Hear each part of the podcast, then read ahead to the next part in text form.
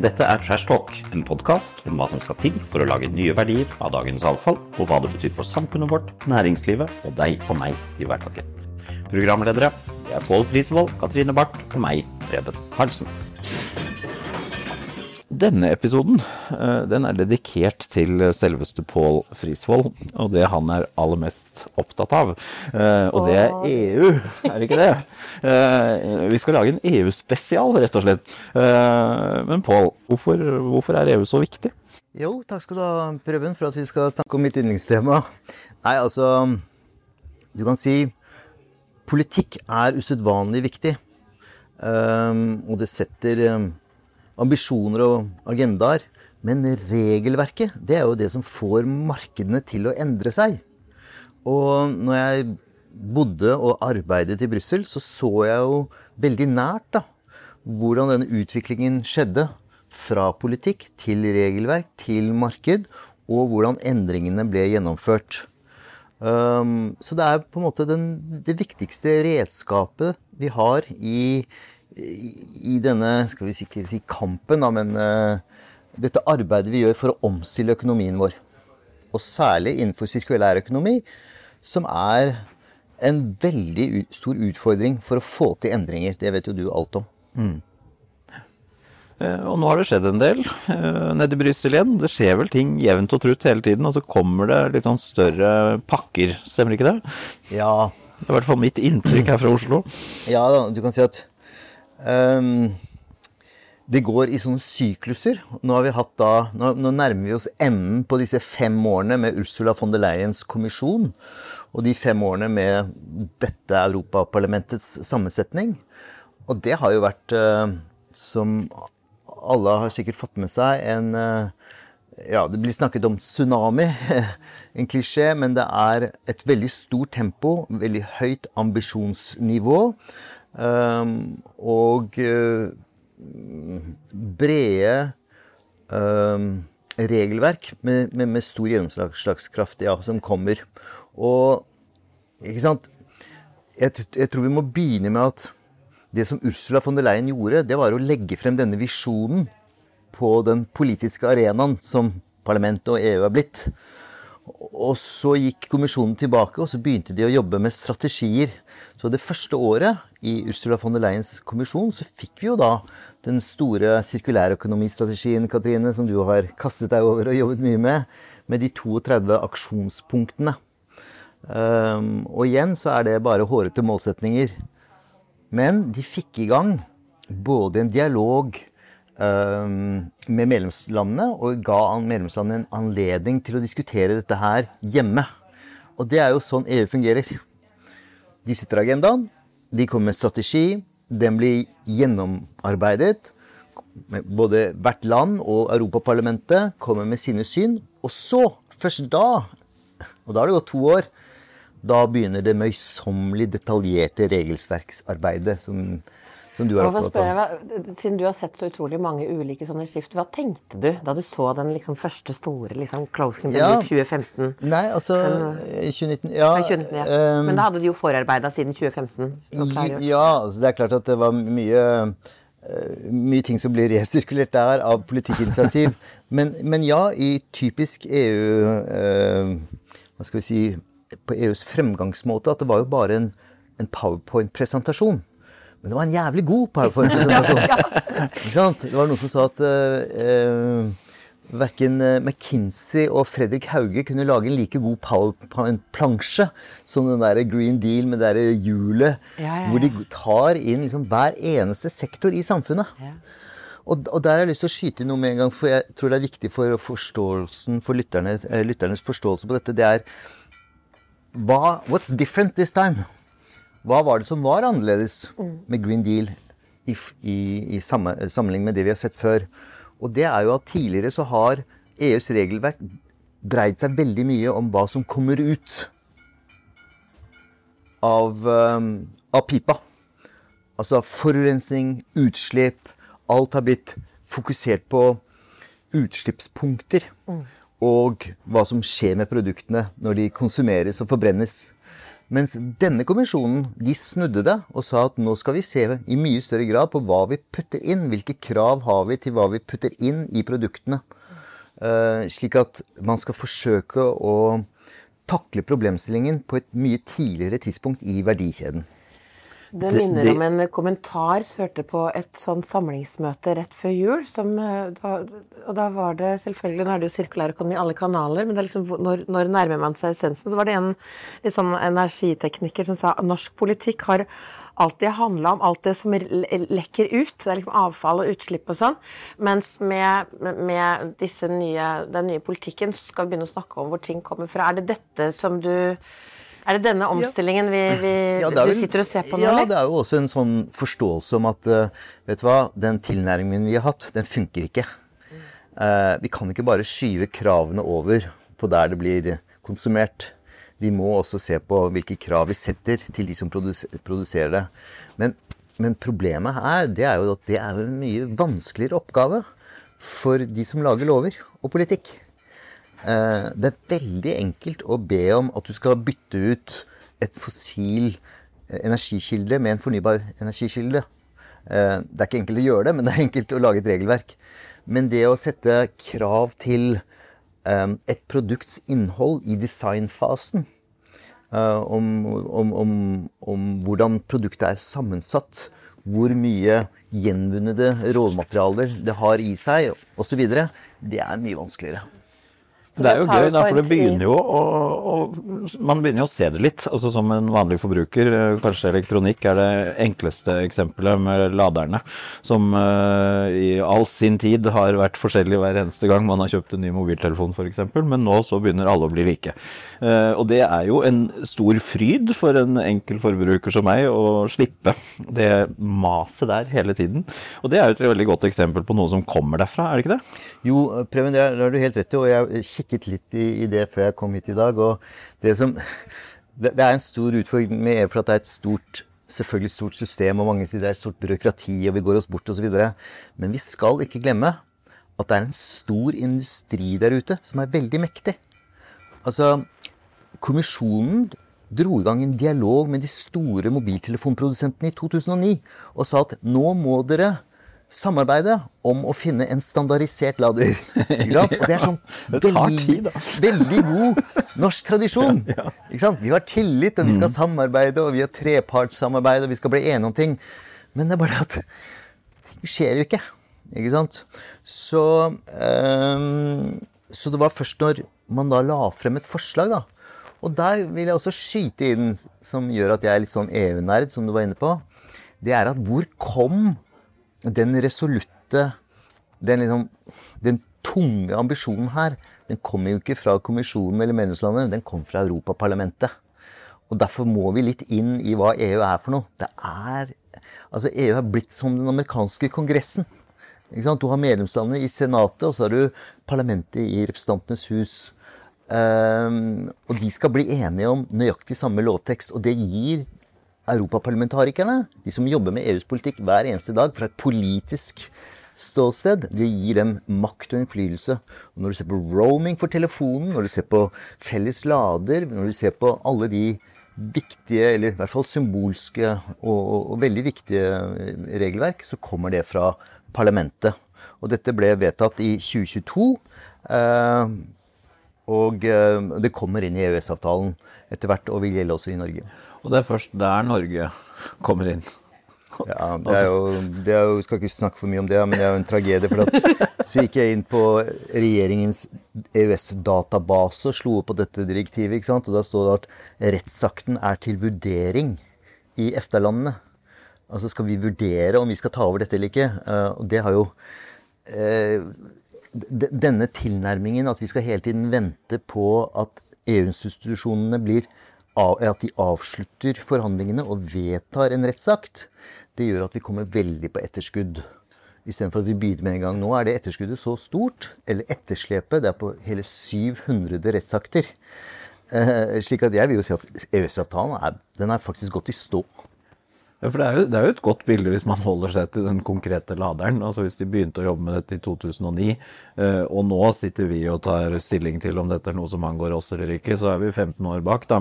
Absurd. Eh, er det noen muligheter for at vi kan komme oss litt lenger frem i skoa inn i, i den verden der? Ja, jeg håper jo det at regjeringens oppnevnte utvalg som skal komme med en utredning om handlingsrommet i EØS, Eh, jeg håper at de virkelig tar tak i den problemstillingen. Jeg er litt redd for at de kommer til å si at eh, det som Trygve Bratteli sa i, før han gikk av i 73 eller noe, at vi må komme inn tidligere i prosessen og jobbe aktivt. For det er liksom Det vil være veldig banalt. For det har vi forsøkt nå i 30 år eh, med variert suksess. Noen ganger veldig bra, men generelt sett så funker det ikke godt nok. Så her må det tas noen forvaltningsmessige grep som jeg håper denne, dette utvalget kommer frem til. Men nå har jeg lyst til å få deg tilbake i 2024. Fordi at det er fra den fargerike powerpointen til Ursula, som sier at framtidas ressurser, økonomi handler om ressurser. Hva har skjedd fra den til nå? Eh, som gjør at eh, vi ikke skal tenke at dette er 2009 og sånn. Vi, skal, vi har fått en slagplan som handler om de neste seks åra til 2030. Hva, hvordan ser det ut nå? Ja, jeg vil si at det har vært to Altså, det har vært masse viktig. Du har hatt hele den der Fit for 55-pakken. ikke sant? Ja, det er så mye ord. Og det er så mye stammespråk og så mye trebokstaver. Men, Men uh, innenfor det vi er, hva er viktig da? En, innenfor det vi er opptatt av i trash talk mm. ikke sant? For å redusere alt det trashet. Mm. Og for å endre og skape, samfunn. Ja, riktig, å kunne skape kommersielle, lønnsomme verdikjeder innenfor disse mm. sektorene som er eh, litt udefinerbare, så mener jeg det er kommet to viktige eh, verktøy. Um, og, det, og, det, ene er dette som går på bærekraftsrapportering. Fordi Eller det går egentlig på bærekraftig finans. Det går egentlig på at EU har tatt tak i kapitalflyten. Fordi kapitalen er en usedvanlig viktig ingrediens i økonomien vår. Og eh, kapitalmarkedet ser kun på bunnlinja til en aktivitet. Så skal du hente kapital, eh, skal du få billig kapital, eh, skal du få tilstrekkelig kapital, så må du ha en god bunnlinje. Du må ha profitt. Og så blir det da spørsmålet hvordan er den profitten definert? Den er kun definert på overskudd. Men det er her EU går inn og sier at det er den gamle modellen. Nå må vi introdusere en ny modell. Og det heter jo da taksonomien. ikke sant? Og taksonomien består av en klassifisering. Men skal både banker, forsikringsselskaper, fond og investorer Hvordan skal vi hjelpe dem til å ta de riktige avgjørelsene? For de vet jo ikke hvordan et produkt blir laget. Eh, de vet ikke eh, hvilken skader det har, når det har skader, hvor det kommer fra osv. De bare ser på den bunnlinja og sier at hei, dette er noe som går bra. Her har vi stor sjanse for å få, eh, få, få, få tilbake investeringene våre. Um, så da har de laget dette, uh, denne, dette nye regelverket som skal se på hvordan skal du rapportere i årsmeldingen din. For er du investor, så går du inn på en bedrift eller, og ser på årsmeldingen og sier ja, um, hva er lønnsomheten i dette selskapet? Ikke bare bunnlinja, men også fremtiden osv da blir disse bedriftene nå forpliktet til å oppgi en rekke ting som har med bærekraftighet og klima. Um, så da skal uh, Fra 2024 så er det de største selskapene, men fra 2026, om to år, så gjelder det alle selskaper. Så da må de uh, faktisk gjøre en vurdering om uh, miljøkonsekvensene, om sosiale forhold i, i bedriften, men også f.eks. hvis du har underleverandører fra andre land, altså det globale sør, som det heter nå.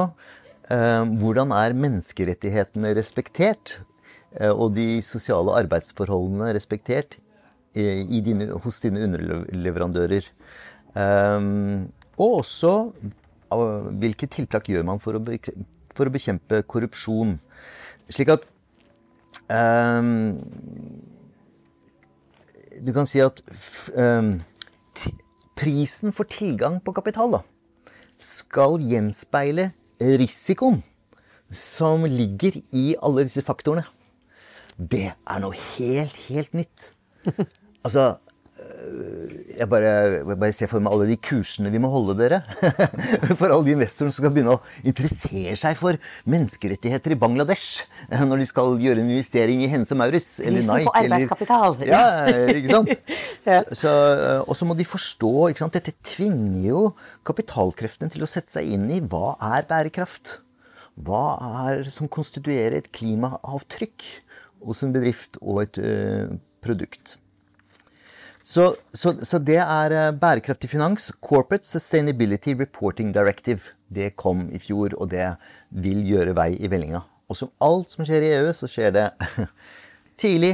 Og så med denne EØS-tralten vi er i, så får vi ikke Så får oppmerksomheten bli liten frem til det faktisk gjennomføres i norsk lov. Og da er det det at dette er vår oppgave, dere. Vi må belyse disse nye trendene og nye mm. kravene. Mm. Hva, hvordan, hvordan, eh, er det Da er du Otta elektriske. Eh, tolvmannsbedrift. Eller så har du en tekstilfabrikk med 42 ansatte på Søre Sunnmøre. Altså, hvordan, hva skjer da når disse eh, CSRD, Corporate Sustainability Reporting Directive, hva betyr dette i praksis? Hvem får litt ekstrajobb nå om dagen?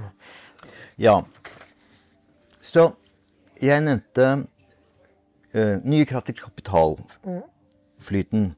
Hvor du har taksonomien som klassifiserer, som setter noen krav. Og så har du disse redskapene hvor jeg nevnte rapportering. Men du har også andre ting som kommer, um, som er viktig. Fordi at EU sier at Eller jeg hater den derre Alle som sier EU gjør dette og EU gjør mm. datt. Mm. Og så er det EU-landene og EU-samarbeidet, som består av kommisjon, medlemsland og parlamentet, de kommer frem til løsninger som er ganske detaljerte. Og en av de redskapene de sier da fordi at nå har vi snakket om dette fra en investors perspektiv, altså litt ovenfra og ned. Nå skal vi snakke om det som er minst like vanskelig. Det er de verktøyene som denne elektrikeren skal ha. Mm -hmm. Eller produsent av uh, Sofatekstiler. Sofatekstiler, f.eks. Økodesigndirektivet er jo nøkkelen her. Uh, og økodesign, hva er det? Det er jo hvordan man designer, hvordan man skaper produkter. Og det vil si før man setter dem på markedet. Og da um, igjen så forsøker man da Og dette, dette, er jo et arbeid, veldig detaljert arbeid som tar mye tid. Um, fordi man skal se på hvert eneste produktkategori. Og så skal man se hva er holdbarhetskriteriene for dette uh, produktet. Hvordan kan dette produktet gjenbrukes? Hvordan kan det repareres? Ehm, hvordan kan det vedlikeholdes? Eh, og til slutt, hvordan kan vi demontere det og bygge det om? For å slippe å kaste denne sirkulære verdikjeden som vi snakker om. Eh, og da må du gå inn ganske detaljert innenfor hver produktgruppe. Et møysommelig arbeid. Det har, det har man jobbet lenge med. Og det involverer flere parter, både kommisjonen og medlemslandene, men også disse standardiseringsorganisasjonene, hvor også Norge er veldig aktiv i. Eh, og det, er, eh, og det er, bra. Og så er det selvfølgelig mye som går på kjemikalier og energiforbruk, men det, det, det har vi allerede. Um, så når dette regelverket er da på plass, så vil denne uh, møbelprodusenten uh, vite ganske konkret hvilke krav han har til å velge sine underleverandører, og hvordan han skal sette sammen produktet. Eh, så det er, det er Ecodesign-direktivet, eh, som, som, også skal da se på hele produktets livssyklus. Og det er også Eh, veldig viktig i denne, denne, sammenhengen. Jeg har bare lyst til å spørre deg, Pål, om altså, dette rapporteringsregimet som kommer, og som, som, etter hvert alle store og små bedrifter må forholde seg til. Alle som har drevet i hvert fall en del småbedrifter, de kan jo tenke seg hvor, hvordan det, man kan få kvelningsfornemmelser bare ved tanken av at man må forholde seg til den type krav eh, som en liten aktør uten store ressurser. Men, men så popper de opp nå om dagen og har gjort en liten stund. Masse ulike startups. Ekstremt fokus på um, altså de store konsulentselskapene. Uh, og, og, tar liksom posisjoner som de som kan mest om hvordan du skal levere de optimale bærekraftsrapportene til, som, som svarer på taksonomien og andre, disse, andre ting. Uh, litt sånn kritisk til det, da. ikke sant? Fordi det, det, det, er jo noe med at man bruker enormt mye tid på å øh, få tak i data og vise de frem og snakke om det, istedenfor å gå rett i kjernen på problemet som man ganske sikkert er klar over, og bare begynne å løse det med, med innovasjon med en gang. Altså, du får en sånn der forsinkelseseffekt fordi alle er så himla opptatt av ja. å rapportere. Du har rett i det. Ja. Det er et problem, og det er en stor utfordring, og det er eh, noe man må veie opp mot hverandre. Hva er belønningen du får av dette, i forhold til hva er smerten og, de, og alt det du skal gjøre? Um, la meg svare på det sånn. Uh, dette er egentlig plain sailing hvis du ser på matsektoren. Altså, vi har uh, Dette er jo vært lenge Har eksistert lenge innenfor matproduksjon. Fordi at det har med helsen vår. Og da er det så naturlig at dette er jo så alvorlig at vi må ha strenge krav til hva vi putter i maten.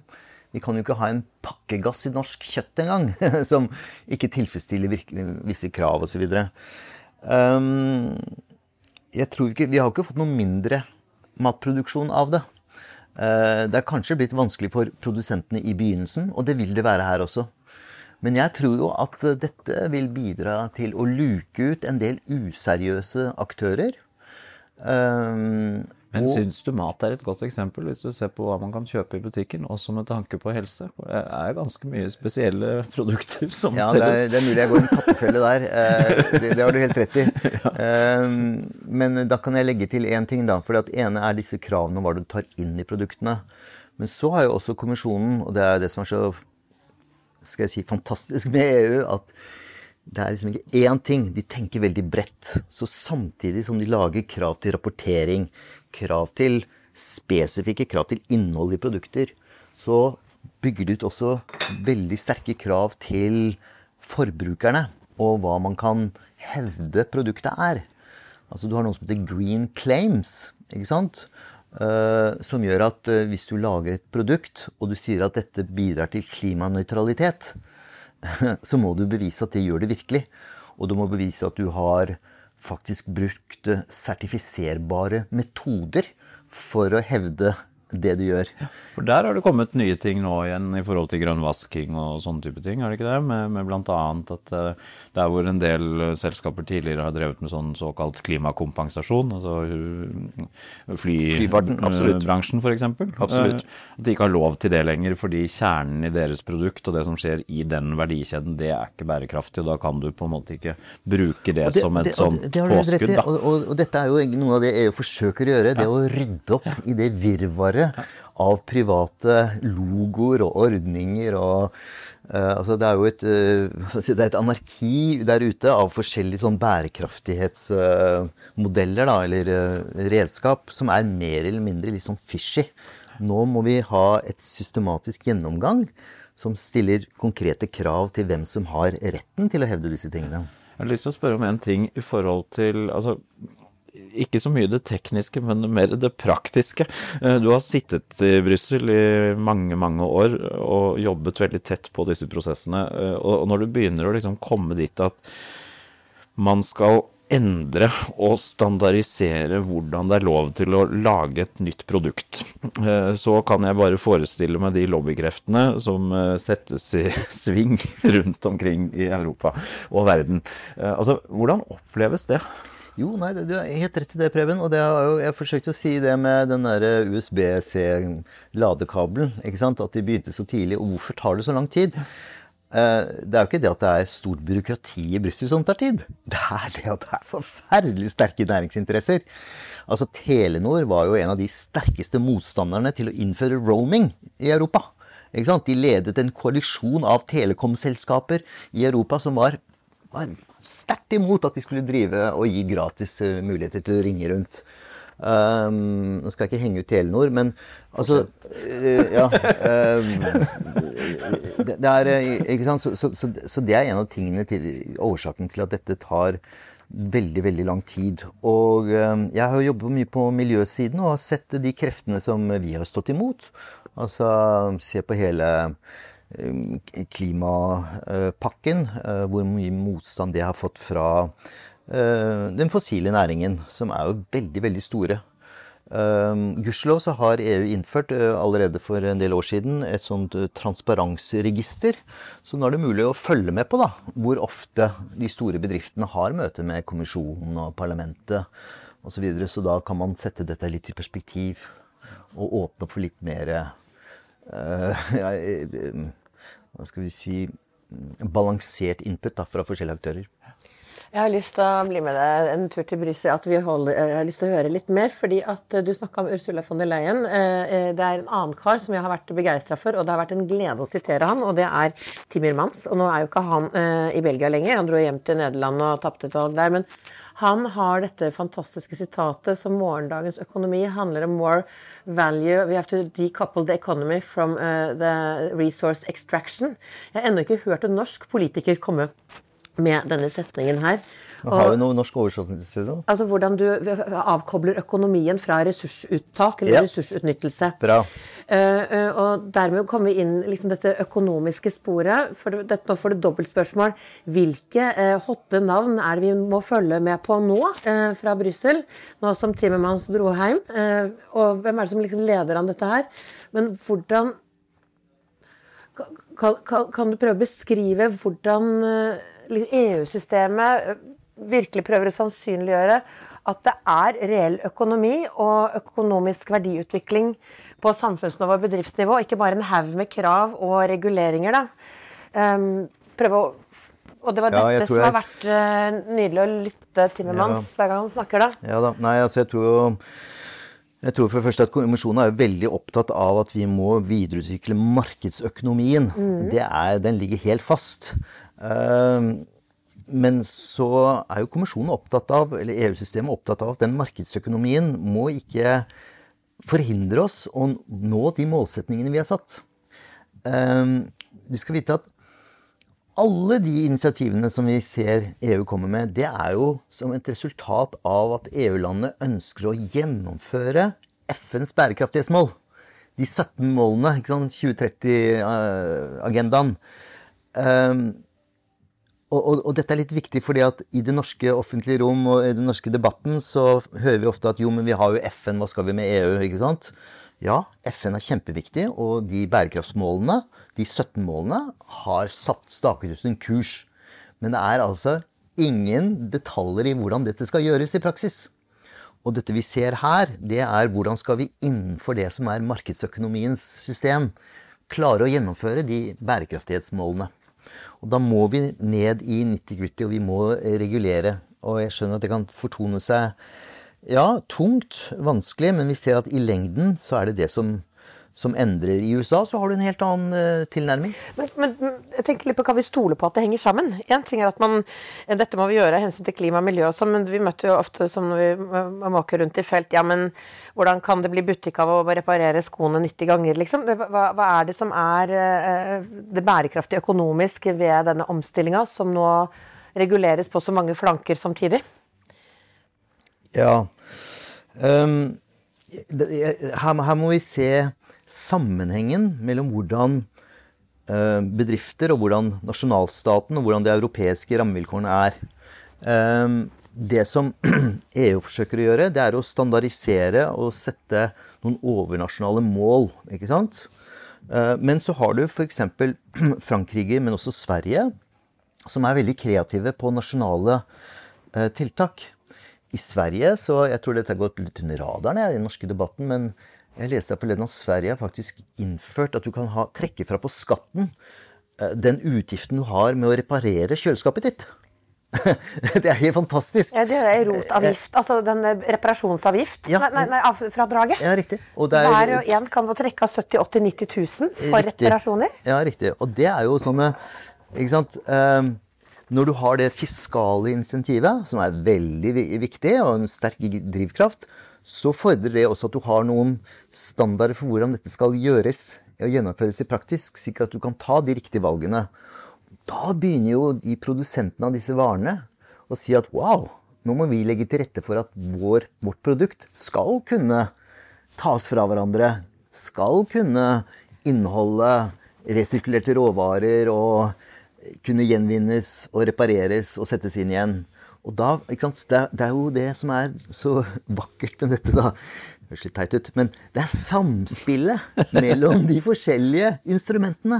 Og du snakker poesi, ser vi bare her nå. Ja, det, er bare det, det, er det som gir resultatene. For det er ikke noe sånn herre Ender opp i en vakker symfoni. Det er ikke noe, det er ikke noe tryllestav. Det er ikke ett element. Men ikke sant? det er harmonien, eller det er symfonien av alle disse Eh, disse, Vi har snakket mye om tekstilstrategien i Norge, hvor, hvor, eh, Fremtiden vår i hendene har gjort et fantastisk eh, jobb. og Det er blitt en viss diskusjon på Stortinget og i politikken om hvordan vi kan ha en nasjonal tekstilstrategi.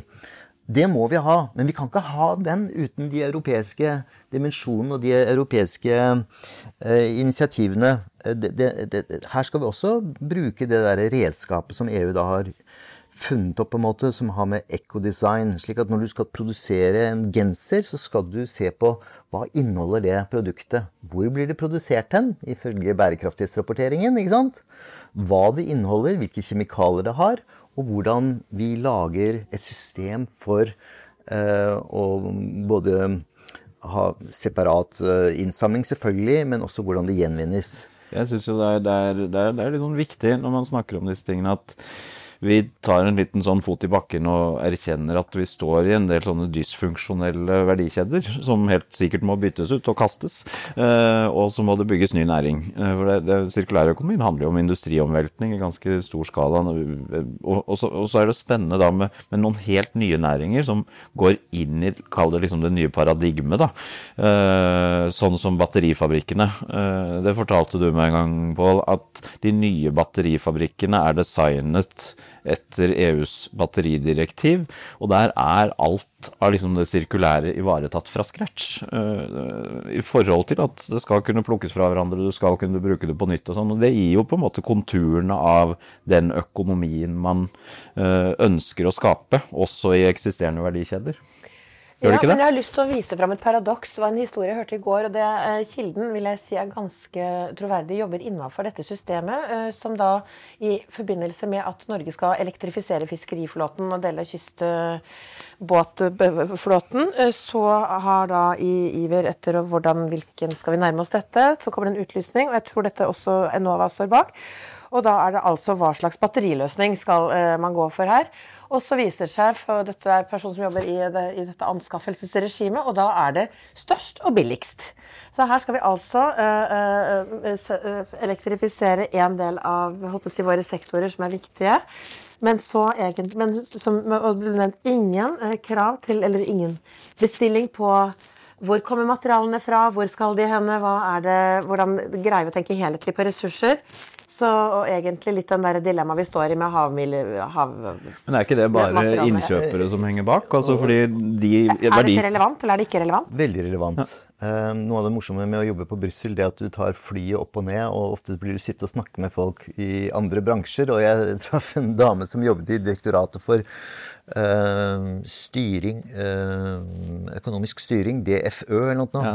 Og hun jobber jo da med offentlige anskaffelser. Og hun var på et møte i kommisjonen hvor det var tema. Ikke sant? Fordi at dette er jo noe altså, Det står i alle strategiene til kommisjonen, både når det gjelder klima og sirkulær økonomi, så står det jo det at offentlig innkjøp er en drivkraft og en motor i denne omstillingen. Og derfor er det et viktig sted å, å begynne. Uh, og så har vi da eksempler på at det mangler presise krav i de uh, offentlige eh, innkjøpsmetodene. Uh, det mangler kompetanse om de som utsteder dem, osv. Slik at der er det veldig mye uh, å, å, kunne gjøre. Så det er, det er det ene. Det andre Katrine, det er at, eh, og det er jeg også veldig opptatt av, for at vi faller veldig ofte, og det ser vi i tekstildebatten i Norge Nei, EU, de gjør feil! Eh, dette må vi ikke ta over! Dette er farlig! Men hele poenget er at dette er så komplekse ting. Og det er veldig altså, For å si det sånn, EU det er litt, Veien blir til mens vi går. Mm. Nå skal vi ikke derav um, godta alt på noen som helst måte. Og det er derfor jeg vil at Norge skal være med, for at vi skal sitte rundt bordet og hevde våre ting. Men, men, men, men de får det ikke alltid helt riktig. Og Derfor er det en revisjonsklausul i hvert eneste rettsakt, i hver eneste rettsakt, som etter to år skal da gjennomgå hva har vi lært.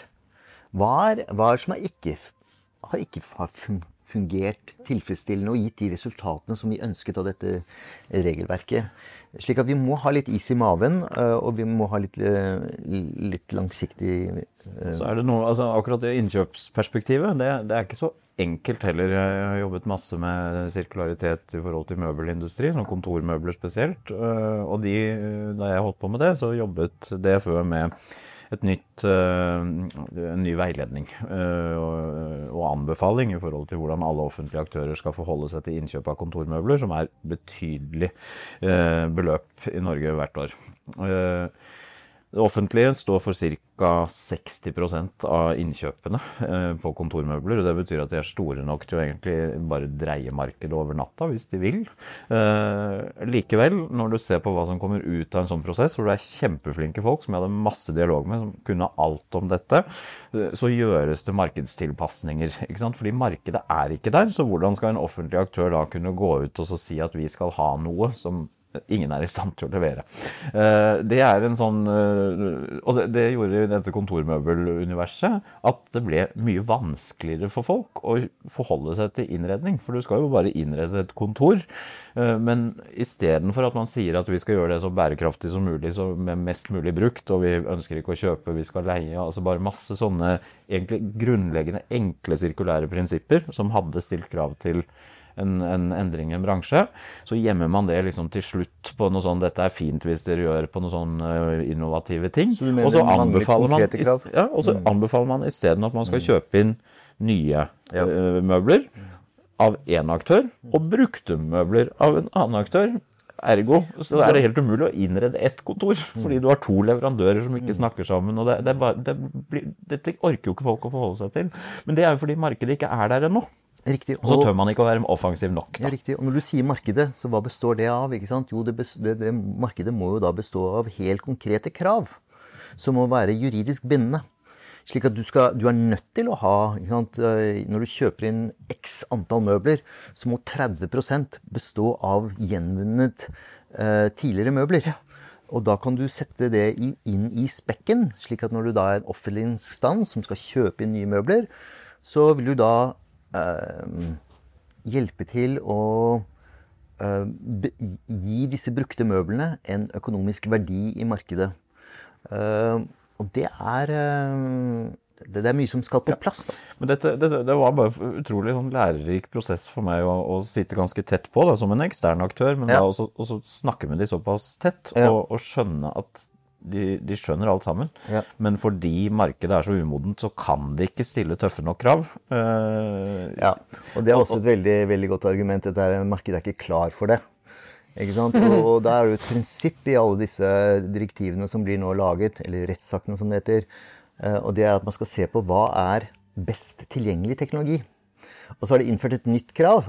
veldig morsomt. Hva er uh, Not yet best available technology. Oh, ja, dette er gøy. Ikke sant? Slik at du skal se på hva finnes i markedet. Hva er markedsledende, og hvordan kan vi sette det krav til alle? Og hva er som er på vei? Ikke sant? For dette er jo en utvikling. Men dette er ganske interessant, fordi jeg tenker at den eh, betalingsviljen eh, for eh, teknologiutvikling er jo en helt annen enn liksom en annen type altså den, vi, vi, Alle husker Nav-skandaler og vi er vant til at teknologi koster uendelig. Sånn. Jeg tror kanskje det er sju år siden jeg hørte om denne 3D-printeren som, som 3D-printer bro i Amsterdam av gjenvunnet betong. Men eh, hvor lang tid tar det fra dette her er en, liksom, en story fra Amsterdam til vi kan se en ny bro på Hønefoss eh, 3D-printa i et eller annet gjenbrukt materiale? Eh, satt i går, kom fra Kongsberg, og Kongsberg er jo tech, eh, mye tek veldig glad i teknologi. Så disse Gutenberg-teknologiene, eller Bergmannsteknologiene, som vi kan bruke for å få til sirkulærøkonomien til å svinge, da. Det, jeg tenker at det er, det er når teknologien blir anvendt. Ja. Er dette noe som er regulert? Altså, når er det man Vi kan forvente kravene. Forvente at dette faktisk ja. skjer, og ikke bare ikke fortelle skje, som eventyrhistorier om framtiden? Det vil ikke skje over natta, det er helt klart. Og det vil skje litt etter litt. Nettopp for, som jeg nevnte, dette går på produktområder. Ikke sant? Eh, nå driver man og utvikler krav til digitalt pass på hvert eneste produkt. Hvitevarer, klær, tekstiler, møbler, rengjøringsmidler. Uh, smøremidler, maling, kosmetikk, leker. ikke sant? Man tar sektor, sektor. Ja, altså For det første så skal du ha et digitalt pass, slik at du skal kunne se da, for forbrukeren. Uh, kunne se hva det inneholder. Men også for myndighetene, slik at de kan verifisere at produktene faktisk ikke bryter kjemikalieloven. Altså Vi har jo kjemikallovgivning som sier hva slags kjemikalier kan du ta inn i et produkt, og hvilken, hvilken grad, hvilken størrelse. Ehm, du har altså energiforbruk på vinvarer. Uh, altså Det er en rekke spesifikke krav. Opprinnelse på materialer. Opprinnelse for materialer. Og så skal du få også uh, skal du innføre nå QR-koder. Ikke sant? Uh, på alle produkter. Ehm, slik at du kan se Du kan gå rett inn. Hvis du interesserer deg virkelig for et produkt og bedriften, så skal du ikke du trenger ikke være doktorgradsstipendiat for å finne ut om de bryter menneskerettighetene eller ikke. Det har vært med å bygge et sånt system for møbler. Hvor vi bygget opp da et, et veldig detaljert uh, ombrukssystem, egentlig, for å kunne ha kontroll på de møblene som finnes. Og, og det var jo da Det vi så, var du, Innenfor tech så er det et, et, begrep som heter PIM, en Product Information Management System, uh, som er det som egentlig styrer enhver nettbutikk. Uh, der har du jo kontroll på alt av produkter, sant, eh, og, og hva de koster og sånt. En vanlig sånn PIM er ikke så veldig detaljert, for du trenger ikke så mye produktinformasjon for bare å selge det. For du skal ikke gjøre noe med det etterpå. Eh, men i en sirkulær økonomi så må du gå så ufattelig mye dypere inn. Og da er jo ikke en kontorstol er jo ikke ett materiale. PIM og pass. Ja, ja, ja. ja, ja. Det, det, er det samme, fordi det, da må du vite at ok, hva består dette møbelet av? Hvilke deler? Hva er de laget av? Hvor kommer det fra? Og hvordan kan det behandles? Hvordan kan det tas fra hverandre? Så du trenger altså så mye mer produkt produktinformasjon for at du skal klare å drive en effektiv, uh, automatisert verdikjede knytta til vedlikehold, reparasjon, alle de prosessene som i dag er dønn manuelle. og ineffektive og kjempedyre. Så alt det der må komme, og det, det tror jeg liksom Er dette noe av det som også reguleres? Er dette med i den ja, EU-spesialen din nå? Helt klart. Dette er, dette er en del av opprydningsarbeidet, om du vil. Fordi at den modellen som Preben snakker om der, den er kanskje gullstandarden. Men da må det bli modellen for alle møbelprodusenter. Ja. -hmm. ikke sant? Og at ikke du har forskjellige aktører. Og det som er så viktig med det òg, er at altså hvis du skal få fart på noe som handler om, om ombruk, da, eh, så må du vite hva brukte produkter er verdt, og det er det ingen som har kontroll på i dag. For du har bare solgt det hands off, og så sirkulerer det litt sånn rundt til folk uh, kaster det i en eller annen sammenheng, selv om de har solgt det litt på Finn og sånn. Men det betyr at det å få til sirkulære forretningsmodeller uten å vite vite hva er betalingsviljen for et brukt produkt. Hva er betalingsviljen hvis det blir vedlikeholdt, hvis det blir reparert, sånn at det er som nytt i mange, mange år til. Det er det ingen som vet. Og da kan heller ikke bankene gi noen fornuftige finansieringsordninger til en produsent, da, f.eks. Og, og disse tingene det er, Dette er liksom den symfonien, da, ikke sant, som du snakket om i stad. Og, og, det er først når dette spiller, og du får bygget opp de fysiske verdikjedene og sånn, at sirkulærøkonomien kommer til å bli dritbra for folk. Ja. Uh, for da blir det mye lettere å mm. deale med alt dette her stæsjet vårt. Det blir lett å ta riktige valg, ja. både for produsenter og for forbrukere. Ja. Men det er ikke sant at det er ingen som vet til dette, for dette har vi allerede gjort. Hvem av dere er som eier bil? Ja, på bil vet jeg. Det er liksom det eneste området. Men, eh, altså, du har serviceboka? Ja. ja. Jeg husker jo da jeg krasja bilen min i sommer, så brukte de tre måneder ekstra for de skulle finne brukte deler fra kasserte biler som de kunne bruke til å reparere bilen min. Ja. Det var jo veldig bra. Men det er to ting som jeg ville komme inn på, for nå ser jeg tiden flyr, og våre lyttere har sikkert eh, masse de skal gjøre resten av dagen. Eh, men eh, det som også kom i fjor, på slutten av året, som er veldig viktig, det er jo disse nye regler for emballasje. Fordi at vi ser at 40 av plasten vår går til emballasje, 50% av papiravfall går til emballasje. Og 36% av husholdningsavfallet er emballasje. Så det er en stor sånn chunk. Og der kommer det et veldig eh, spesifikt nye krav. Eh, også at disse emballasjene og måten vi forvalter emballasjen på, skal ha klare krav til ombruk og økt bruk av materialer som er gjenvunnet.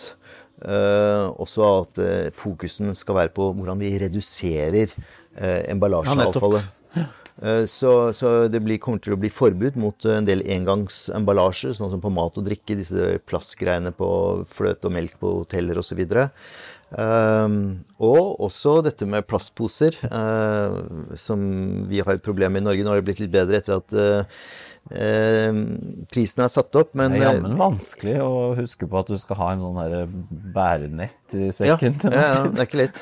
Katrine har det selvfølgelig. Og der sitter der EU knallharde, ikke sant. Hver, hver, hver, per person skal det ikke være mer enn 40 plastposer per år.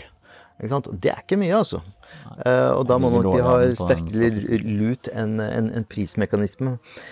Eh, men Preben Katrine, det er én ting som alle spør seg fordi at, uh, spør seg om nå i, i, disse dager, og det er den høyrevinden som blåser over Europa og det forestående europaparlamentsvalget. Og hva skjer med hele EUs grønne giv og dette her? Hvis vi går inn i en tid hvor vi får et europaparlament og også kanskje en kommisjon som består av eh, Det er jo tross alt representanter fra medlemslandene. Og hvis du får eh, både ytre og høyre krefter her og der, så kan det hende at dette kommer til å endres.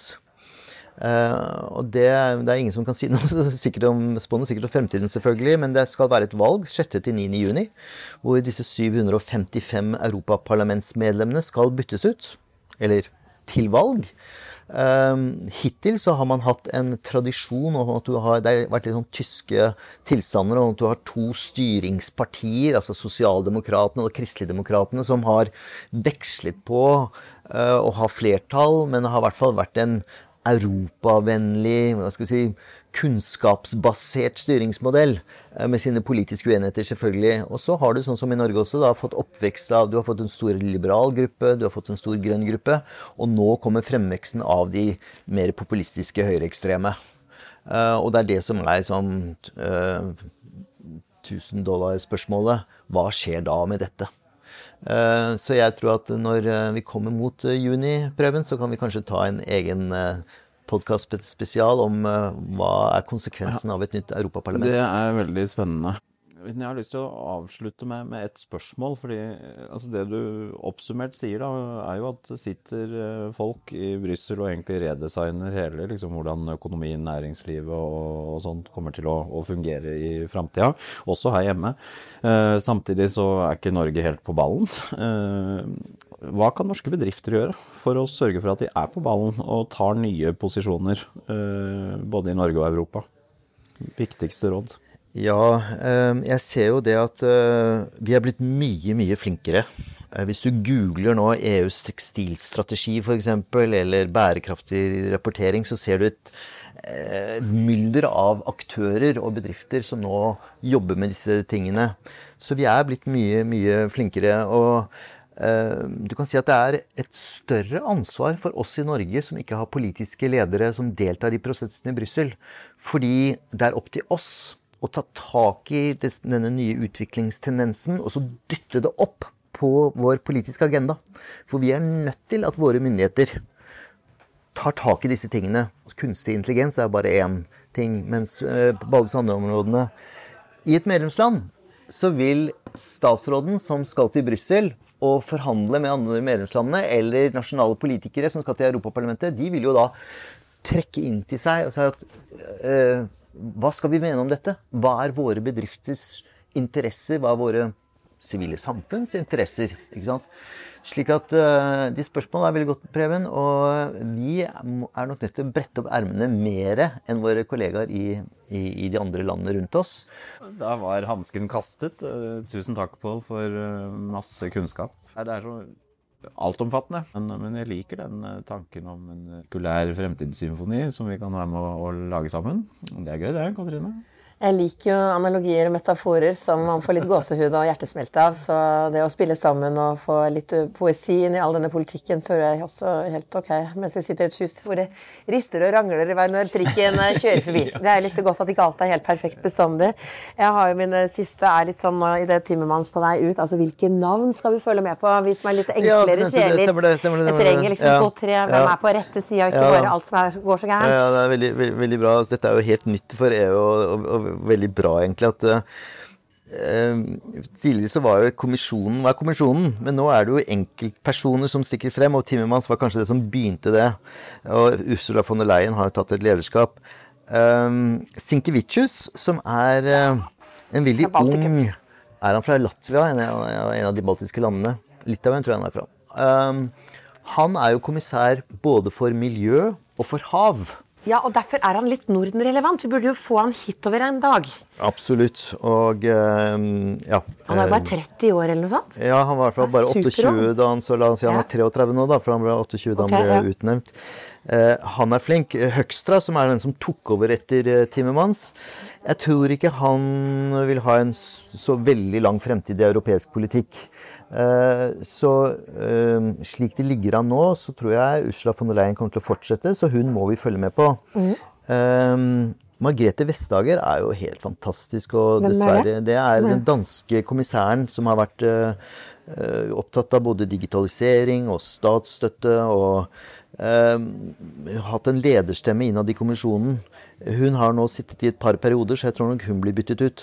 Så jeg tror det som skjer, Katrine, er at når vi får resultatet av valget i juni, når vi får den nye kommisjonen på plass i oktober, så får vi ha nok en episode hvor vi må prøve å blinke ut hvem er det vi skal følge med. Hvem er det som blir de toneangivende aktørene i de neste vi, fem årene. Da har vi fått noen solister allerede, så det er veldig bra. Takk for praten. Takk for praten. Veldig hyggelig.